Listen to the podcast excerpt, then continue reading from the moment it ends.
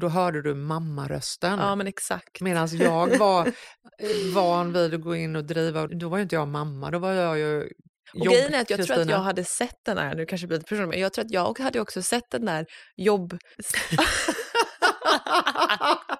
Jobb-Kristina. Ja, jag hade också sett den jobbpersonligheten för att den kom ju också fram ibland typ när du var stressad hemma och blev arg. Ja. Och då, då kopplade jag det med den. Liksom. Ja. Så det var ju min mamma som satt i mig och göra grejer. Ja. Och det blev liksom helt fel. Ja, det, men det var jättejobbigt här.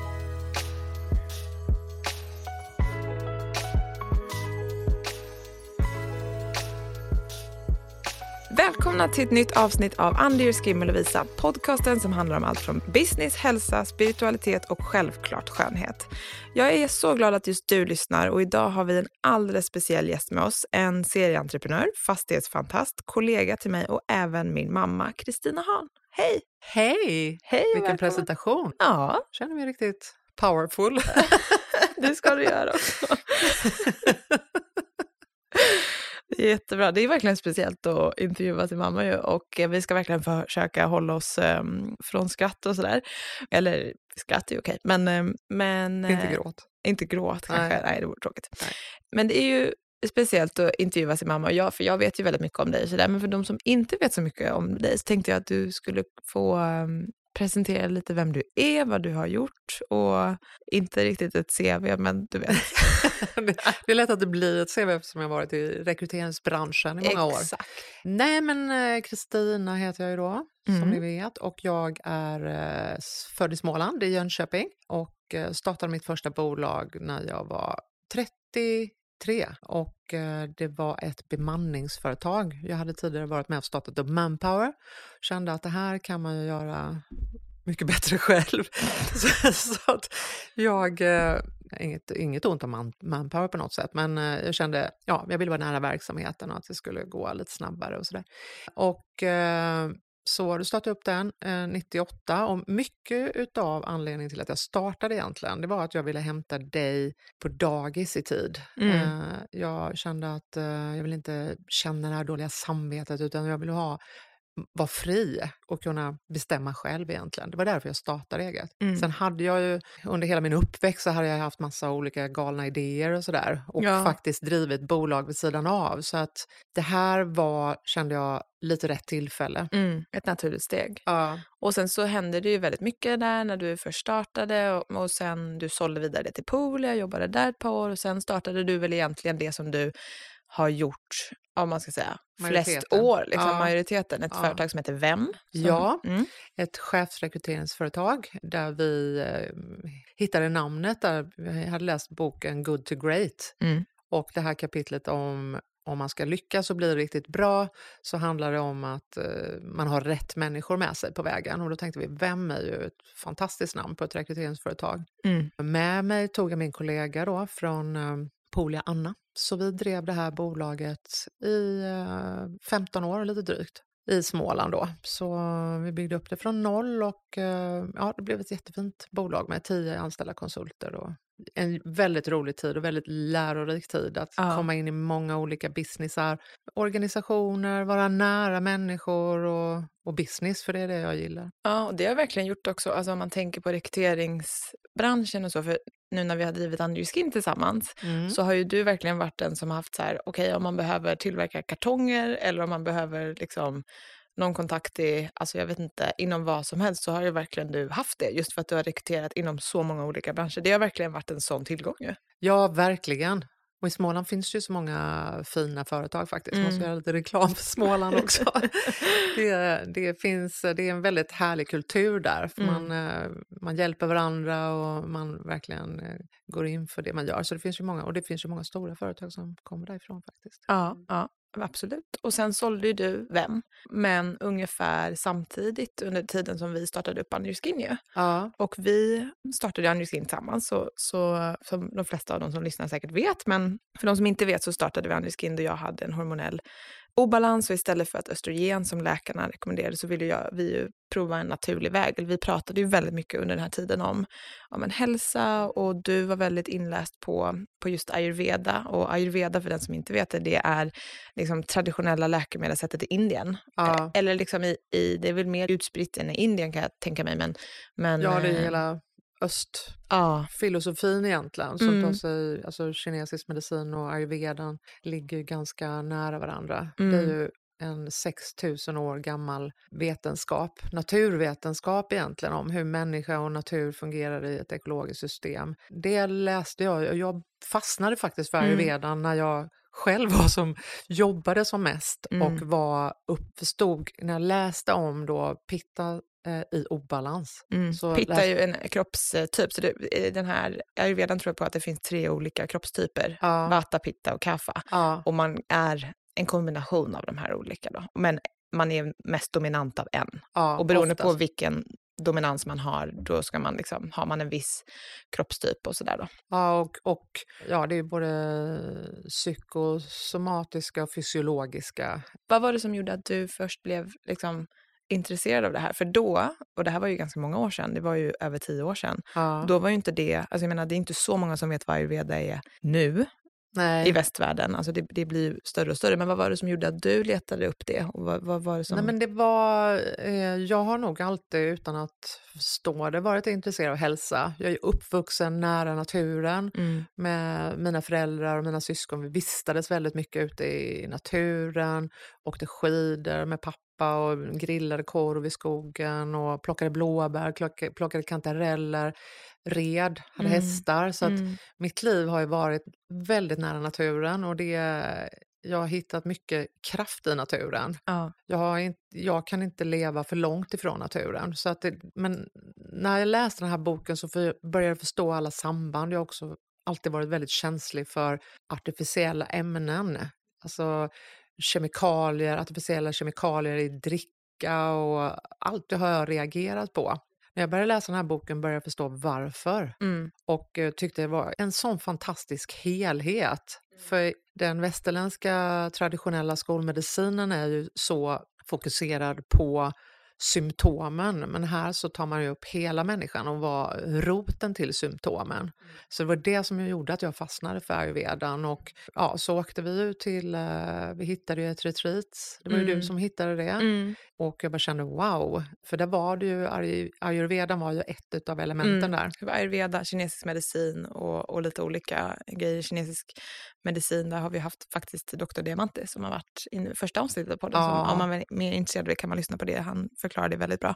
Men när jag också läste den här boken då som faktiskt hade problem så, var, så blev jag också så inspirerad och man förstår sin kropp på ett helt annat sätt än när man bara behandlar ett symptom. Alltså läkarna och, och, och vi tror ju mycket på att här, man behöver en kombination av de här två. Man, be, man kan inte utesluta det ena och det andra. Ibland behövs verkligen västerländsk medicin i form av när man har cancer, när man har allvarligare problem som måste behandlas. Men kombinationen av de två att, och att det går att förebygga väldigt mycket innan det blir allvarligt. Ja, och är människan i balans och lever i samklang med naturen. Mm. Så det är ju mycket av de här sjukdomarna som är eskalerande idag beror ju väldigt mycket på obalanser. Mm. Och eh, det, vi tror ju väldigt mycket på, jag tror mycket på back to basic, till naturen, hur, som det är väldigt mycket diskussioner om idag. Men när du säger back to basic, att man vill leva back to basic och jag vet att du har ju inspirerats av det väldigt mycket, men om man ska leva ett back to basic, hur lever man då?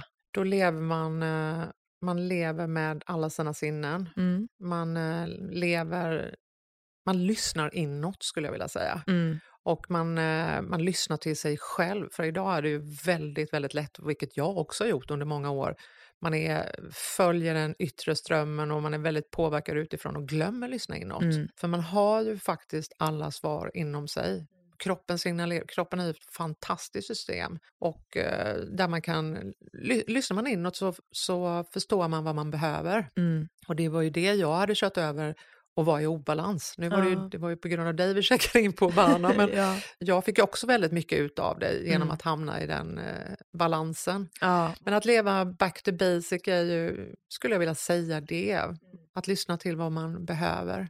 Det känns också som att det kommer mer och mer alltså, om man tänker på hur världen ser ut och vad det är som händer just nu som bara känns enormt. Vi spelar in det här precis när det här terrordådet har hänt i Bryssel och, och krig i Israel och så där. Det känns som att fler och fler också börjar få den insikten eller så här, viljan att typ flytta ut till landet och börja odla sina, alltså bli självförsörjande. Att ja. den liksom, viljan öppnas upp mer hos människor som kanske har bott i en stadsmiljö hela sitt liv. Mm. Och det är också någonting som, som känns eh, Ja, det, man kommer nära det som verkligen spelar någon roll. Mm. Att, eh, jag menar, vi, är ju, eh, vi lever i ett konsumtionssamhälle där vi eh, uppmanas att konsumera. Mm. Där det är ju, man vet ju själv, alltså man är själv inne i den här karusellen, men man, man känner ju också att man inte blir så där väldigt mycket gladare när man väl har köpt de där sakerna. Att det är, det är som att fylla ett stort hål. Men vad det är som man verkligen blir glad av, det är också någonting, alltså det är ju back to basic. Ja. Alltså umgås med sina vänner,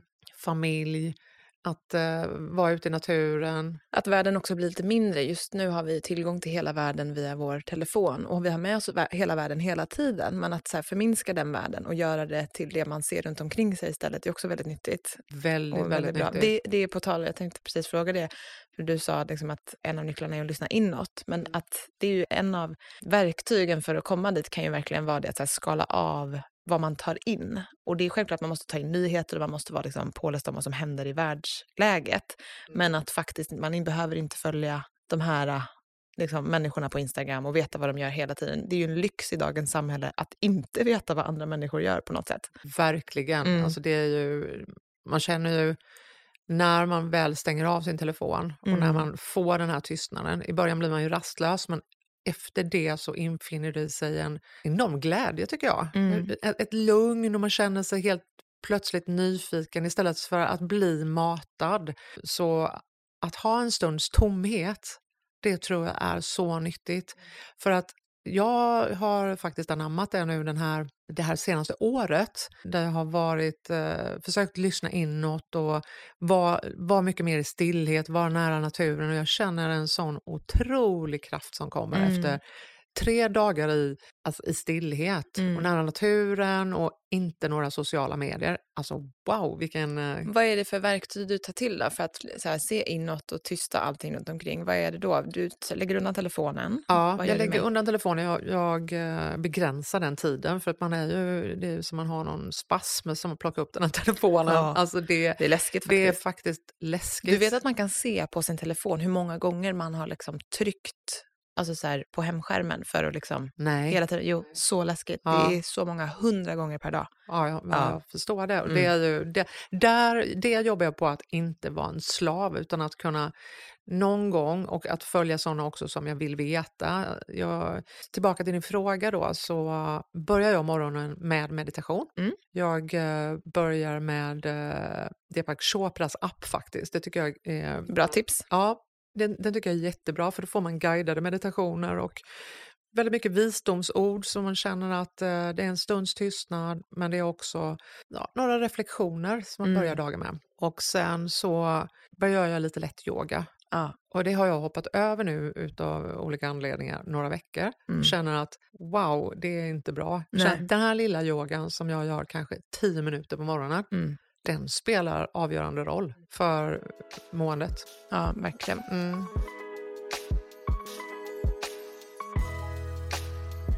Men om vi ska gå tillbaka lite till Under Skin då ja. och företaget vi faktiskt driver tillsammans och sådär. Jag vet att du nämnde lite innan att här, vi alla är ju inne, jag tänker att vi ska komma in på liksom hur det är att jobba tillsammans och allt sånt där som säkert är kul att lyssna på. Ja. Men jag vill bara eh, knyta in det att du pratade om liksom att ja, vi är ett konsumtionssamhälle och ja, men man är ju fast i någon typ av spiral där man liksom konsumerar väldigt mycket och väldigt mycket som man inte behöver. Och, sådär. Ja. och det har ju också varit vår filosofi med Under Skin, att här, världen behöver ju inte ett till hudvårdsmärke, Nej. utan vi vill ju finnas till för att verkligen visa på att det går att göra annorlunda. Ja. Vill du berätta lite om den filosofin? För jag vet att du brinner ju väldigt mycket för det. Ja, verkligen. Nej, men anledningen till att vi startade var ju att vi, eh, din obalans då, och vi eh, började titta in eftersom man får väldigt mycket behandlingar där som går in och stimulerar centrala nervsystemet så förstå, börjar man ju förstå att men det som vi smörjer in oss med, det går ju in. Ja, man, och så börjar man tänka, ja men det här Alvedon och Voltaren-krämer mm. och så, de går ju utifrån huden och in.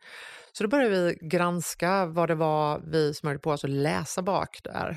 Och jag blev helt vansinnig, för man mm. tänker att man är skyddad som konsument. Men det är man ju definitivt inte insåg man ju efter att ha läst baksidan där och vi började diskutera detta. Mm. Och, och, att man inser att så här, ja, men det här var ju också ja, men ungefär tio år sedan, så då, då var ju också typ så här, greenwashing var ju ett sånt, en sån grej som hände mycket mer då än nu. Nu har ju på något sätt konsumentens kunnande växt så mycket för att de också har varit tvungna till det. Ja. Och det är ju också lite trist att konsumenten måste ta så stort eget ansvar. Men ja. vår filosofi med Under Skin har ju hela tiden varit att så här, informera konsumenten, utbilda konsumenten mm. och att inte bara vara ett till hudvårdsmärke utan att verkligen visa på att göra skillnad och att också vara så här industriinkluderande. Vi tittar ju väldigt sällan på konkurrenter.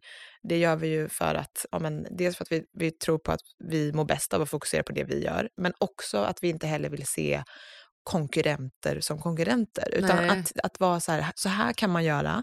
Alla de här ingredienserna finns. Om fler använder sig av bra, naturliga, ekologiska ingredienser så blir de också billigare för konsumenten. Att så här, kunna inspirera andra till ja, det. Ja, vi vill ju, alltså våran mission är ju att eliminera alla dåliga kemikalier inom hudvård på en global marknad. Och mm. att vi, vi vill ju bygga ett företag för att bli en röst mm. inom eh, branschen. Och det är ju stora ord, jag menar på en global marknad. Men eh, det är som Steve Jobs säger, det är de som är tillräckligt, det är de som är naiva nog att uh, tro att de verkligen kan göra en förändring som gör det. Och nu mm. är vi mm. på en god väg känner jag. Mm, att, uh, det vi får sån fantastisk respons från och stort intresse mm. kring detta så det känns otroligt meningsfullt att ja. föra den här debatten och också visa på att de naturliga ingredienser ger minst lika bra resultat. Verkligen. Det tycker jag har varit så väldigt revolutionerande, alltså om vi ska prata lite produkt och så nu, men med vårt eh, hair growth kit som är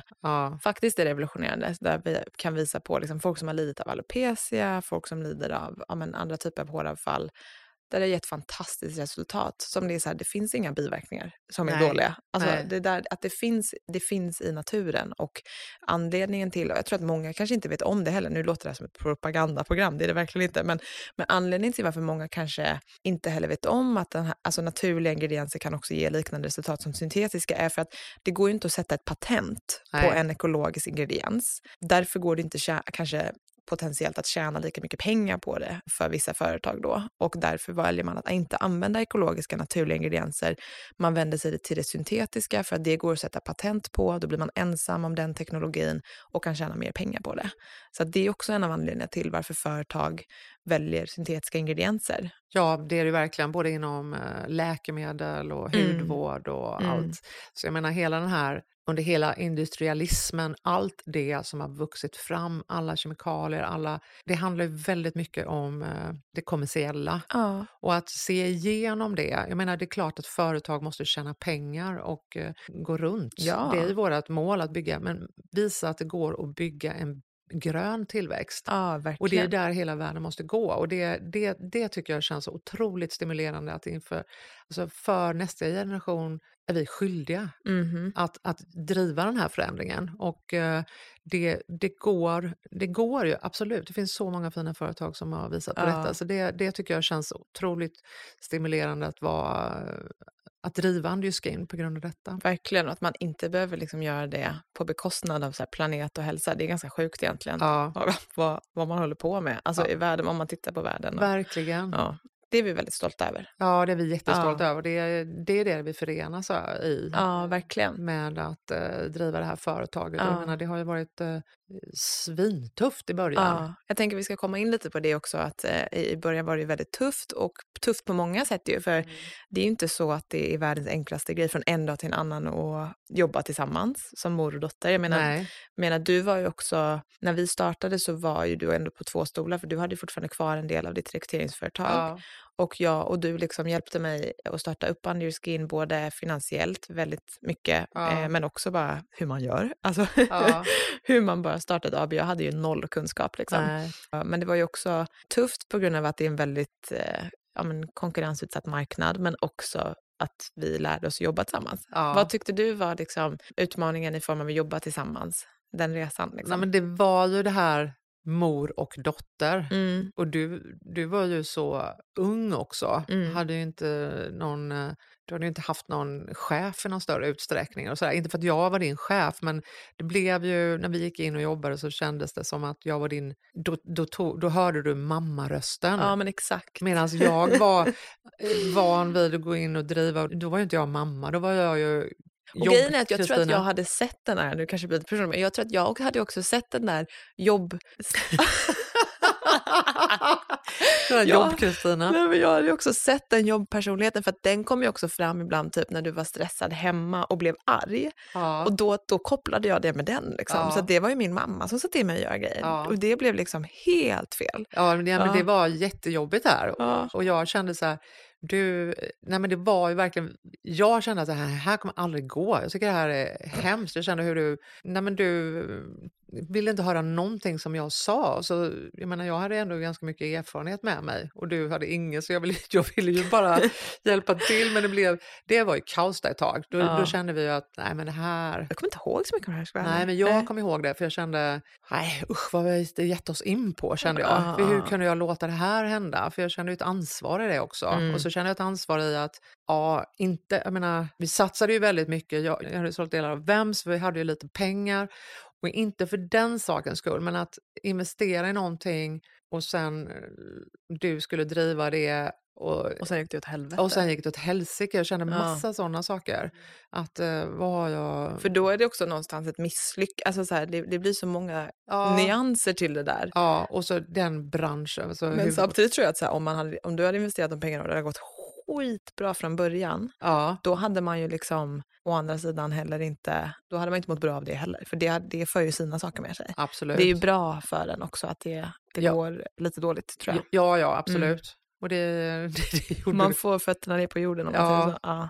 Och jag menar, jag tror att starta i den här branschen, när var, också blev vi väldigt påhoppade i början, kommer du ihåg det? Mm. Med, eh, nästan- Absolut. vi, blev ju, vi utmanade ju lite också i våra annonser och så vidare. Och det Mm. blev ju också ett väldigt... Det var många som hoppade på oss och tyckte olika saker. Ja. Eh, så att eh, när vi väl hade haft det snacket sen Ja. så kände jag att då, vi hade verkligen ett tungt snack att här, Mm. så här kan vi inte fortsätta. Du, vi måste Samarbeta. samarbeta och så Ja. vidare. Och då, Nej, det vände ju då. det vände ju då. Det låter väldigt enkelt, men jag tror att vi, när man eh, känner varandra så väl, så liksom, och vi har ju väldigt bra kommunikation, då vände det på något sätt och vi bestämde att ska det här funka så måste vi liksom... Ja, Och vi delade nog kanske upp också så ansvarsområden lite mer tydligare. ja. Sen gick det ju väldigt dåligt för oss första typ tre åren. ja, vi höll ju på med lite annat också då. Vi, vi, vi släppte ju inte Andy Skins egna produkter. Förrän För- 2018. Nej, Så det var ju precis, vi, ja, det var liksom en, en, eh, en, en seg start för oss. Ja. Men, men jag tror att den har ju också varit otroligt nyttig nu när det faktiskt går bättre och Ja. när, när det faktiskt går bra. Om man ska vara, sticka ut fantastiskt bra. säga det. Liksom. Ja. Men, men det är man ju väldigt, jag är väldigt tacksam över den tiden. För att man påminns, alltså jag, jag är så tacksam för varje dag som någon vill köpa våra produkter för jag vet hur det känns att vara på andra sidan. Ja. Och den så här, ödmjukheten och tacksamheten vill jag aldrig komma ifrån. Nej, och det tror jag är, det du säger nu är centralt. För när man Mm. inte är ödmjuk och tacksam och känner de känslorna så, utan blir stor på det för att det går bra, då, det är då det börjar gå dåligt för Mm. företagare. Absolut, är då Och, om man farligt. inte har passionen och elden att driva och nå det här, Mm. då, då ska man göra något annat. Ja, absolut. Och typ så här, man måste komma ihåg vad det är som drev en från början. Mm. För det är lätt att komma på andra tankar när det börjar gå bra. Och att när man börjar se försäljningssiffror och grejer, det är lätt att, att så här halka ur och fokusera på, på fel sak. Och det går säkert bra en stund, men i långa loppet, om man verkligen ska så här, vara i det här i det långa maratonet, liksom, Ja. då behöver man ju verkligen komma ihåg. Verkligen, och det, det är min erfarenhet att man måste verkligen ha den här elden och drivet och fokuset på det verkligen är, vad det är man ska uträtta. Mm. Och det tycker jag, det känns otroligt stimul- stimulerande med Andy Skin, att vi tycker vi har det fokuset. Mm. Och nu rekryterar vi in fler personer och eh, det är vi väldigt måna om att alla har samma värderingar för att det går inte att få in personer som inte delar ens värderingar i ett sånt här värde, värderingsstyrt företag. Nej, och det, det märks, om det är någon som kommer in och inte gör det, då märks det ju väldigt tydligt. Mm. Det blir, sprider sig väldigt fort, den negativa energin. Liksom. Absolut. Att, eh, det är någonting som är väldigt tydligt. Ja. Men jag tänker för de, för de som lyssnar eller för vem som helst som kanske går i tankarna av att så här, starta företag eller du vet, göra någonting annorlunda och sådär. Du är ju ändå, har ju väldigt mycket erfarenhet av ja, men, att driva bolag. Du har ju liksom startat många bolag, sålt, du har byggt fastigheter och hållit på med liksom allt möjligt ja. egentligen. Så jag tänker, vad, vad hade du velat ge för tips för någon som känner att man inte riktigt kommer loss? Men har man någonting som man verkligen tror på, känner sig passionerad för och verkligen vill, mm. då tror jag det är att jag, jag har alltid tänkt, vad är det värsta som kan hända? Och man sätter siffror på det, man gör en budget, man gör hela den här, sin, sin plan hur det här ska fungera och sen gör man ett worst case. Och kan man leva då med det här worst caset, om allting går, inte går som tänkt, mm. kan man leva med det här worst caset och klara ut det finansiella och sådär, då, det skulle jag rekommendera för då blir man trygg. Då vet man att funkar det inte mot förmodan så mm. går det inte som tänkt på grund av olika saker. Då vet man ändå sin, eh, då vet man ändå vad som kommer hända och att det kommer inte bli värre än så här. Nej. Och att man kan leva med det. Det är ja. en tuff situation. Så tänkte jag när jag, jag hade inga, inte ett öre när jag, jag hade några tusenlappar men jag sålde hus och startade mitt första företag. Och då mm. tänkte jag och lånade pengar på banken. Men jag var helt övertygad om att det här kommer gå. Men skulle det inte gå så då har jag ju fått eh, jobba på att betala av de lånen i många år. Men jag var villig att göra det. Och jag tror att det är många som inte startar företag för att de inte är beredda att ta gå ner på en lägre lön. Och det är det som är, alltså att våga ta den risken. Man måste ha tillräckligt stark drivkraft och eld att, eh, för att våga ta risken. Det är så sant och jag tror någonstans också att om man inte vill ta det, men då brinner du inte för det tillräckligt mycket. Så Nej. det är också en så bra en typ av, alltså man kan mäta det på det sättet. Att ja. säga, okay, men är jag inte redo att släppa det här för att jag tror på den här idén tillräckligt mycket? Nej, men då har du svaret. Ja. Att så här, du måste vara villig och tro på någonting. Och det, jag kommer ihåg när, när, när vi startade New Skin att det kändes så här, när vi hade börjat prata om det lite och så här, tanken fanns där och de första planerna fanns där, att det var så här, nej, men nu går det inte att vända tillbaka. Nej. Den känslan att så jag kan inte inte göra det här nu. Nej. Det i sig är ju bara en sån drivkraft som gör att man gör det. Ja, precis. Man känner det, det kallet och, det, ja. och den, eh, den elden såg jag väldigt mycket i dig och jag kände, kände också den själv väldigt starkt. Just att göra någonting åt mm. en situation som inte är bra för, för människan. Mm. Och det är mm. så många, vi hade aldrig varit i hudvårdsbranschen, jag hade aldrig kunnat tänka mig för alltså att jag någonsin skulle jobba i den branschen. Eh, Absolut inte, men om man tittar på entreprenörer i stort så är det faktiskt 70% av alla entreprenörer som startar bolag, de har ju aldrig jobbat i branschen men de har sett ett problem mm. som de, de vill åtgärda. Så att, eh... Det tror jag också mycket på. Att, ja. att, eh, för det är också många gånger, är man väldigt insatt i en bransch och och så där, det är ofta då man inte kanske gör någonting för att man vet hur mycket som krävs. Ja, och ja. man blir lite blind också. Man, känner, ja. man, eh, man lever med det man tycker. Ja, Vissa saker kan man bli lite så här, ja, ja, ja man men, orkar inte. Precis, men om någon hade frågat mig, ska jag starta ett hudvårdsmärke idag?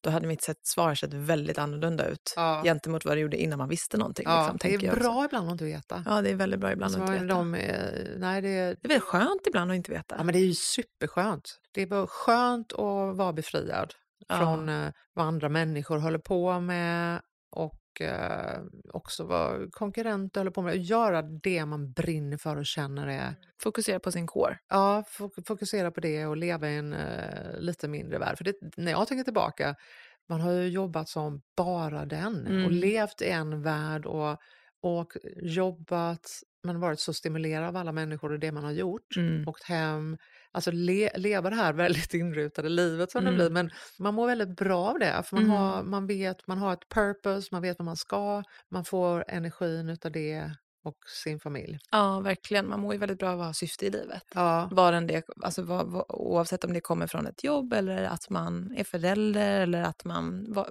man jobbar inom ja. vad som helst. Alltså det, det är ju väldigt viktigt för att man ska må bra. Verkligen. Mm, verkligen. Men du som är, jag har jobbat där, vi pratade lite också om det när vi åkte till Indien och sådär. Du har ju ändå haft ganska mycket stress i livet på grund av jobb. Alltså ja. på, positiv stress på många sätt. Men, men hur har du hanterat stress på bästa sätt? Alltså, ja, men jag har funderat på det ganska mycket senaste tiden. Mm. Att eh, jag förstår inte hur jag klarade av den eh, situationen som eh, med du var liten och ja, men så mycket möten och eh, jobbade med chefsrekrytering och rekrytera ledningspersoner i, i stora bolag. Det är ett väldigt ansvarsfullt jobb. Så att, eh, nej, stressat väldigt mycket, men jag tyckte så mycket om det jag gjorde eh, så att jag upplevde en väldigt stark stimulans och utveckling under tiden. Men jag har också känt nu när man blir äldre eh, så känner jag att man tål ju inte lika mycket stress längre. Nej. Jag skulle aldrig någonsin idag kunna jobba i det tempot kan jag säga. För det, jag, jag, insår, jag inser att det, man, jag lyssnar till min kropp nu och vi har, är väl lite såna i familjen, har en generellt sett att vi, vi kämpar på och biter ihop. Ja, skojar eller? Alltså. Min brorsa sprang, sprang ju Göteborg, något lopp i Göteborg. Med... Nej, han sprang Göteborgs maraton med en bruten fot. Ja. så, så, liksom, vi är, snacka om mentalitet, fast vi är barn, jag tror att ni syskon, liksom, våra föräldrar, vi kusiner så, vi har blivit lite mer så här, nej men nu borde vi åka in eller göra någonting. Och, och var på liksom, du och din bror och, och din syster och ni, ni är tre syskon, ni är ju verkligen så här, nej det, det gör ingenting. Det, det, det, är inget fel på mig. Nej, sen tre dagar senare visar det sig att det är liksom en bruten fot. ja, det kanske inte alltid är så jättebra. Något mellanting är väl bra? Ja, något mellanting. Mm. Samtidigt är det bra att liksom inte ha på sig offerkoftan. Det, det, det är någonting som man har haft nytta av mm. också, att bita ihop. Men ja. till en viss gräns. Till en viss gräns. Jag tror att det där är väldigt intressant mellan generationer. Ja. Jag tror att eh, det, det är väldigt tydligt med er generation. Eh, hur man kanske har jobbat och så. Alltså, den generationen som är nu känns ju ändå mer inlyssnande och, och i, lite mer iakttagande samtidigt som vi lever i ett helt annat klimat. I ja. form av att man tar in så mycket information och så. Det gjorde ju inte ni på samma sätt. Nej. Nej.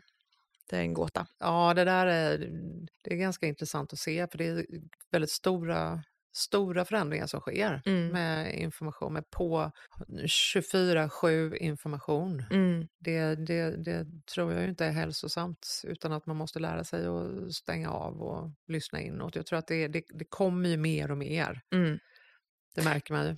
Men du är ju fortfarande väldigt intresserad av, av hälsa och mediterar ju varje morgon som, som du säger. Så här, har du någon så mål med framtiden gällande just hälsa, meditation? Så hade du någonsin velat alltså, jobba mer med den, den typen av sak? Eller ser du något mål med det du gör? Eller är det bara att du så här, vill må så, så bra som möjligt? Liksom? Ja, men det, det, är en liten process jag har. Jag skulle nog kunna tänka mig att vilja dela med mig av uh, den kunskapen jag har införskaffat mig. Det, så att jag skulle nog kunna tänka mig att eh, jobba då och då med det mm. faktiskt. Ja. Jag är inte riktigt klar över det Nej. ännu men äh, inte helt otänkbart. Inte helt otänkbart. Äh, Kul ju. Ja, jätteroligt. Ja. Jag hade kunnat se dig göra något sånt. Ja. Eller något sånt, men jag hade kunnat se dig jobba mer med den typen av... Ja, för jag är väldigt intresserad av människans äh, alltså holistiskt är jag väldigt intresserad hur ens tankar hänger samman med ens eh, fysik, alltså ens kropp. Mm. Det är ju så gammalt, jag menar att, man, att kropp och själ hör, man, hör ihop. Mm. Men det, jag tror att det är först nu som människan verkligen har förstått vad det innebär. Att vad du äter påverkar din mentala hälsa. Ja. Det är ju någonting som, som är ganska ny kunskap för människan generellt sett och mm. att eh, själva flowet i dig, till exempel motion, att det påverkar hela alltså dig mentalt och mm. fysiskt. Och, men att, att, eh, den holistiska hälsan är jag väldigt intresserad av och främst nog eh, den mentala, eh, mm. eh, människans mentala utveckling och de delarna. Så det, det tycker jag är oerhört intressant. Du är ju också utbildad coach faktiskt. Det är jag också. Ja, ja. Så att uh, du är Du är en kvinna med många strängar på din lyra. Nej, men jag tycker det är väldigt kul och det, det är väl det som jag känner att jag, man, man funderar ju väldigt mycket, vad kan man ge? Mm. Jag har fått väldigt mycket i livet känner jag. Att jag har fått eh, göra väldigt många roliga saker mm. och jag känner mig väldigt tacksam för, för min resa som jag har fått. Och jag funderar väldigt mycket över vad kan jag ge tillbaka? Och då har jag väldigt ofta fått höra att jag ger andra människor energi och många vänder sig till mig när de vill prata och få stöd och sådär. Och det, det tycker jag är väldigt kul och känner en väldigt stor stimulans i. Så att, eh, det är mm. väl någonting jag har funderat över. Fint, så är det verkligen också, kan jag intyga, som din dotter. Tack. Ja. ja. Kanske vi börjar gråta ändå. Ja. ehm, ja, men jättefint ju. Men vi eh, tiden börjar rinna mot sitt slut och jag brukar alltid köra så tre sista frågor och Aha. jag tänker att eh, jag kör en liten variant på den eftersom jag vet att du använder Andyskins produkter så tänkte jag fråga fyra sista frågor då. Ja. Då vill jag faktiskt veta vilken produkt är det du använder mest av Andyskins produkter? Vilken är din, så här, det här är min som jag aldrig går ifrån? Ja men det är ju schampot, ja. detox-schampot som inte bara är detox utan det är ju ett uh daily shampoo. Det kan jag inte leva utan. Nej. För jag bara känner att mitt hår uh, mässar ur då. Ja. Det, det, det, var jag än åker så har jag hittat nu väldigt bra flaskor faktiskt mm. som uh, man kan ta med sig även om man inte har incheckat bagage. Mm. Det är också någonting vi jobbar på kan vi faktiskt nämna. Det får vi extremt mycket frågor om. Så här, provförpackningar, reseförpackningar eh, och den typen av. Och anledningen till varför vi inte har provförpackningar till exempel. Ja. Det är ju för att vi tycker att det är oändligt slöseri med plast ja. i små flaskor. Mm. Så att vi håller ju på att titta på alternativ. Ja, men det tar lite tid. Ja. på reseförpackningar och även refill. Att så här, det, och jag får faktiskt eh, mejl ganska varje vecka om, ja. om just refill. Och det är ju någonting som vi, vi jobbar kontinuerligt med, men det är väldigt svårt. Du har ju varit väldigt involverad i den processen. Ja. Mm. Nej, men det är ju att göra en refill bara kommersiellt. Mm. Alltså, det är ju miljömässigt inte rätt. Man, många gånger har man en man måste ha en plastinsida och sen har man papper för att det ska se miljövänligt ut. Och då är det, man vill ju helst ha monomaterial för att kunna eh, återvinna det så bra som möjligt. Så det finns så många aspekter. Vi vill göra det på riktigt, mm. att det mhm. är en, en vinst för miljön. Inte för att vi ska få massa försäljning på det. Nej, verkligen. Så att eh, det, det håller vi på att undersöka. Och vi, man kan ju säga det att vi, vi kommer inte ta fram en refill förrän vi har någonting som är liksom, klimatneutralt. Nej. Det, och det tar lite tid och det, ja. det kommer vara värt det när det väl kommer. Ja. Och vår tagline är ju liksom revolution in a bottle, så vi vill verkligen leva upp till det när det kommer till nytänk. Ja. Mm. Men så är det ju så när man startar ett företag också. Vi har ju eh, fått en väldigt, eh, vi har ju vuxit väldigt mycket senaste år. Man kan inte göra allting på en gång. Nej. Det har, man har inte kraft och pengar till det. Och då, det, det, det, måste få ta tid att bygga någonting bra också och då kan man inte lasta sig själv för att man inte är perfekt från början. Och det, det tror jag att många, om man tittar på miljöfrågan och ser att man, nej men, det, det räcker att man gör några saker bra. Man får mm. börja någonstans. Och så att det inte blir så här att nej men eh, jag kan ändå inte bidra till någonting. Nej precis. Det, och, eller så här, titta på han, han, eh, han är inte, han är ju miljöpartist, men, eh, eller tänker på miljön, ja. men han gör ju så och så. Ja. Det där tycker jag är en, en... Det där är svårt för vi alla måste någonstans börja där man kan. Ja. Och det måste få vara bra. Det måste vara bra, då ska man inte bli hackad på för, för annat. Så jag tror att man, man tar en sak i taget mm. och vi vill göra en rätt, eh, ja. inte bara för att det ska vara. Nej, precis. Så det kommer, men det tar lite tid. Ja. ja. Okej, okay, nästa fråga då. Om du fick välja en rutin, vilken som helst, det kan vara liksom meditera, träna, spa, you name it, som alla jordens människor skulle behöva göra varje dag, och tvungna att göra varje dag, vad skulle det vara?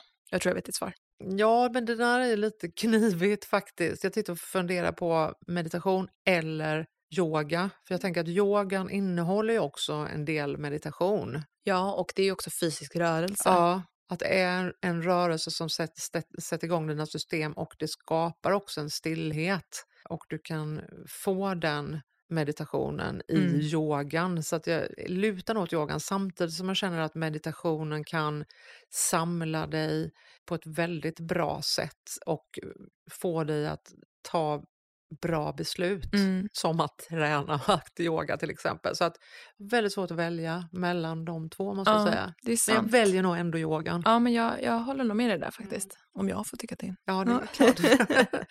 Gör det alltid annars. Ehm, ja, exakt. Nästa fråga då. Vad tror du att dagens generation behöver ge till nästkommande generationer för att få dem att må så bra som möjligt? Vad behöver vi ge till våra barn? Du Basically? menar din generation? Ja, vi som får barn nu. Ja. Vad behöver vi ge till våra, liksom, så som ni gav till oss, vad, Ja. be, vad behöver vi ge till dem för att de ska må så bra som möjligt? Ni behöver ge dem lugn och ro. Alltså stillheten. Mm. för att kunna, så att näst, den generationen kan få höra sin egen röst. Mm. Att skapa genom vad det nu kan vara, vara ute i naturen, men att, att ge dem förmågan att kunna höra sig själva. Fint. Jättefint. Ska jag försöka ge min dotter. Och sista frågan. Vem hade du velat se som gäst i podden? Åh, spännande! Alltså en person som jag verkligen eh, ser upp till och beundrar är ju eh, både Gustav och Ulla Kreitz. Mm. eh, som är eh, fantastiska skulptörer och fantastiska människor. De, eh, De är, Har- han är 98 och hon är... Gustav är inne på sitt 98 år och eh, Ulla är eh, 10 år yngre. Mm. Och de har ju skapat otroligt mycket vacker konst. Mm. Till exempel finns ju Vasaparken i Stockholm. Finns och, i Vasaparken, finns utanför FNs byggnad i, i New York Ja. bland annat. och eh, de har skapat. Ravinen i Båstad, en, en väldigt fin konsthall. Mm. Och de har ju en fantastisk historia. Eh, så det skulle jag gärna vilja se. Ja men kul, Ja. det hade jag också velat. De är två, Ja, två så- underbara människor. Ja, så mycket livserfarenhet och så mycket klokhet och så mycket kärlek och framåtanda. Det, Ja. de har, Det är coolt att man kan ha det fast man är typ 100. ja, det är verkligen det. Jag menar, Gustav är 97 år, det känns som vi är lika gamla för han Ja. har så mycket framåtdriv och kraft och eh, nya idéer. Ah, helt fantastiskt. Det Ja, är men de ska jag försöka ragga Mm. upp kul. på något sätt. Ja. Ja, eller ja, jag har ju en in. Men du, tack så jättemycket. Det här Ja, var så mysigt. Jag tänker att vi gör det här igen. Älskade dotter. Ja, och prata liksom Så med, roligt. om, om lyssnare tycker att det är kul. Tyck jättegärna till på det här avsnittet och glöm inte prenumerera. Så hoppas jag att vi hörs snart igen. Tack så mycket. tack.